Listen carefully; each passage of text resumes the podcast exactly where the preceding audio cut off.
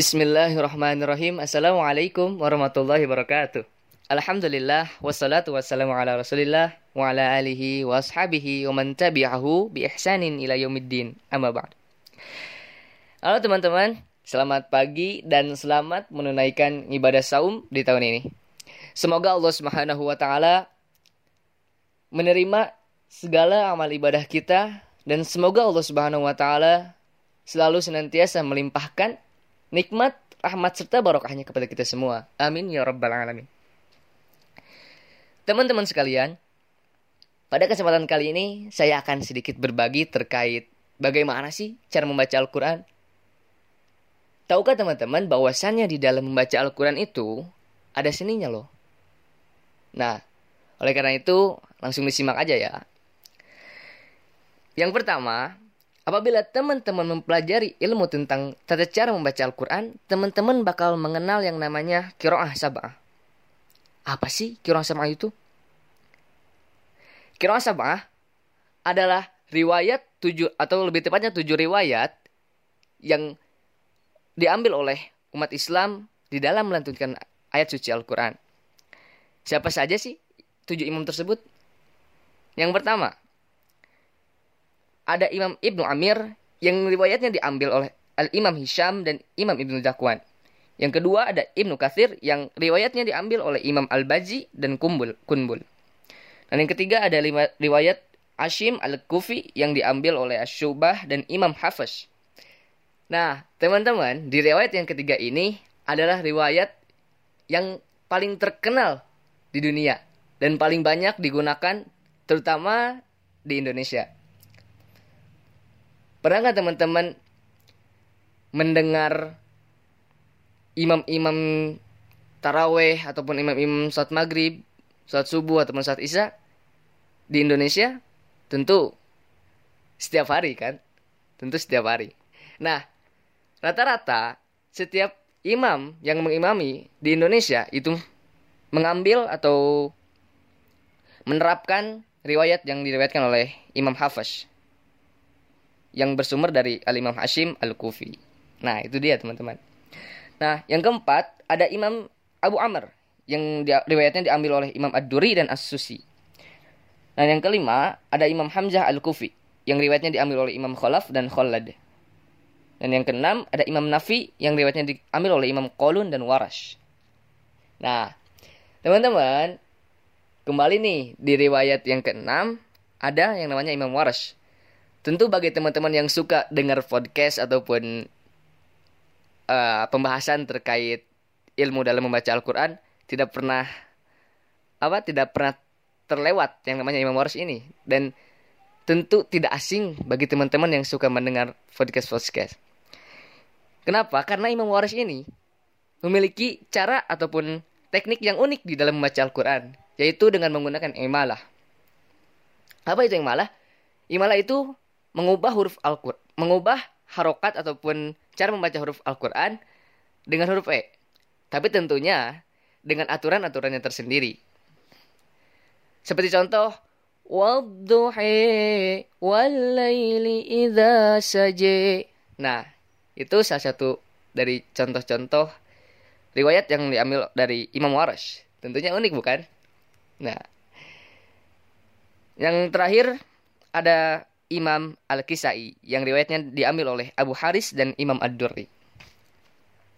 Nah, itu dia tadi Qira'ah Sab'ah yang sering kita dengar dalam mempelajari ilmu Al-Quran. Itulah ketujuh imam yang meriwayatkan tata cara ataupun seni dalam membaca Al-Quran. yang kedua, di dalam membaca Al-Quran, tentu ada juga aturan tersendiri untuk melantunkan Al-Quran. Kenapa sih di dalam membaca Al-Quran itu harus ada aturannya? Karena apabila di dalam Al-Quran tidak ada aturannya, maka tentu tidak akan pernah tidak akan pernah tersampaikan makna-makna yang terkandung dalam Al-Quran tersebut. Lantas apa saja sih aturan-aturan tersebut? Yang pertama ada makhraj. Makhraj secara bahasa itu kharaja yakhruju yang berarti keluar. Dan makhraj merupakan yang berarti tempat keluar. Maksudnya, ketika kita melafalkan setiap huruf dalam Al-Quran, setiap huruf tersebut memiliki cara pelafalannya masing-masing. Nah, itulah yang disebut dengan makhraj. Yang kedua, ada ilmu tajwid. Ilmu tajwid adalah ilmu yang mengajarkan tentang tanda baca yang terdapat di dalam Al-Quran. Ilmu Ibnu Al-Jazari pernah berkata, wal akhdu bit tajwidi hatmun lazimun man lam yujawwidu yujawwid yujawwid yujawwidi al-Qur'an athimun li'annahu bihi al-ilahu anzala wa hakada minhu ilaina wa Yang artinya, membaca Al-Quran dengan tajwid adalah sebuah keharusan. Siapa yang tidak mentajwidkan Al-Quran, maka ia berdosa. Karena dengan tajwid, Allah menurunkannya. Demikian juga Al-Quran sampai kepada kita juga dengan tajwid. Nah, itulah mengapa kita harus memperhatikan ataupun mempelajari tentang ilmu tajwid. Nah, yang ketiga ada yang namanya tartil. Tartil adalah teknik membaca Al-Quran dengan baik dan benar. Dalilnya tentu ada di dalam surat Al-Mujamil ayat 4. Warattilil Qur'an yang tertila. Dan bacalah Al-Quran dengan baik dan benar. Dan yang terakhir, ada yang dikenal dengan fasohah. Apa sih fasohah itu? Fasohah adalah memperindah ataupun memfasihkan bacaan Al-Quran. Nah, fasohah ini merupakan pelengkap dari ketiga aturan tadi. Nah, biasanya dalam fasohah terdapat yang namanya makom ataupun lagam. Dalil kenapa kita harus memperhatikan fasohah yaitu ada di dalam hadis Rasulullah SAW yang berbunyi Anil Barai radhiyallahu anhu qala qala Rasulullah sallallahu alaihi wasallam Zayyinul Qur'an bi aswatikum fa inna sautal hasana yazidul Qur'an husnan. Yang artinya dari Al-Barra bin Ajib Rasulullah SAW pernah bersabda, hiasilah Al-Quran dengan suaramu yang merdu, karena sesungguhnya suara yang indah dapat menambah Al-Quran semakin indah. Hadis riwayat Imam Abu Daud nomor 1648 dan hadis riwayat Imam An-Nasai nomor 1015 dan riwayat Ad-Darimi nomor 3501. Nah, itulah tadi beberapa tata cara ataupun aturan yang harus kita perhatikan di dalam membaca Al-Quran. Supaya ketika kita membaca Al-Quran, makna yang terkandung di dalamnya dapat sampai dan terasa terkhusus bagi kita yang membacanya dan umumnya bagi para pendengar yang mendengarkan lantunan bacaan kita. Nah, kembali tadi di fasoha, saya telah sebutkan bahwa di fasoha itu ada yang namanya makom ataupun lagam. Nah, makom ataupun lagam yaitu teknik tersendiri dalam melantunkan Al-Quran ataupun irama dalam menceritakan Al-Quran. Ada delapan irama di dalam baca Al-Quran apabila kita melantunkan Al-Quran dengan uh, jenis murotal.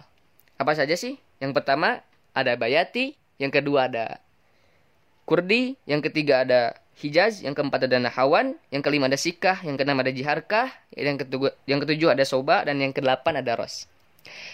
Nah, tentunya setiap ataupun masing-masing dari makom tersebut memiliki variasi yang berbeda-beda dan memiliki keindahan yang berbeda-beda pula. Penasaran kah teman-teman dengan lagam tersebut? Oke, baiklah, saya akan mencontohkan satu di antara kedelapan tersebut, yaitu lagam bayati. Saya akan menerapkannya ke dalam surat Al-Fatihah. أعوذ بالله من الشيطان الرجيم. بسم الله الرحمن الرحيم. الحمد لله رب العالمين. الرحمن الرحيم. مالك يوم الدين. إياك نعبد وإياك نستعين. اهدنا الصراط المستقيم. صراط الذين أنعمت عليهم غير المغضوب عليهم ولا الضالين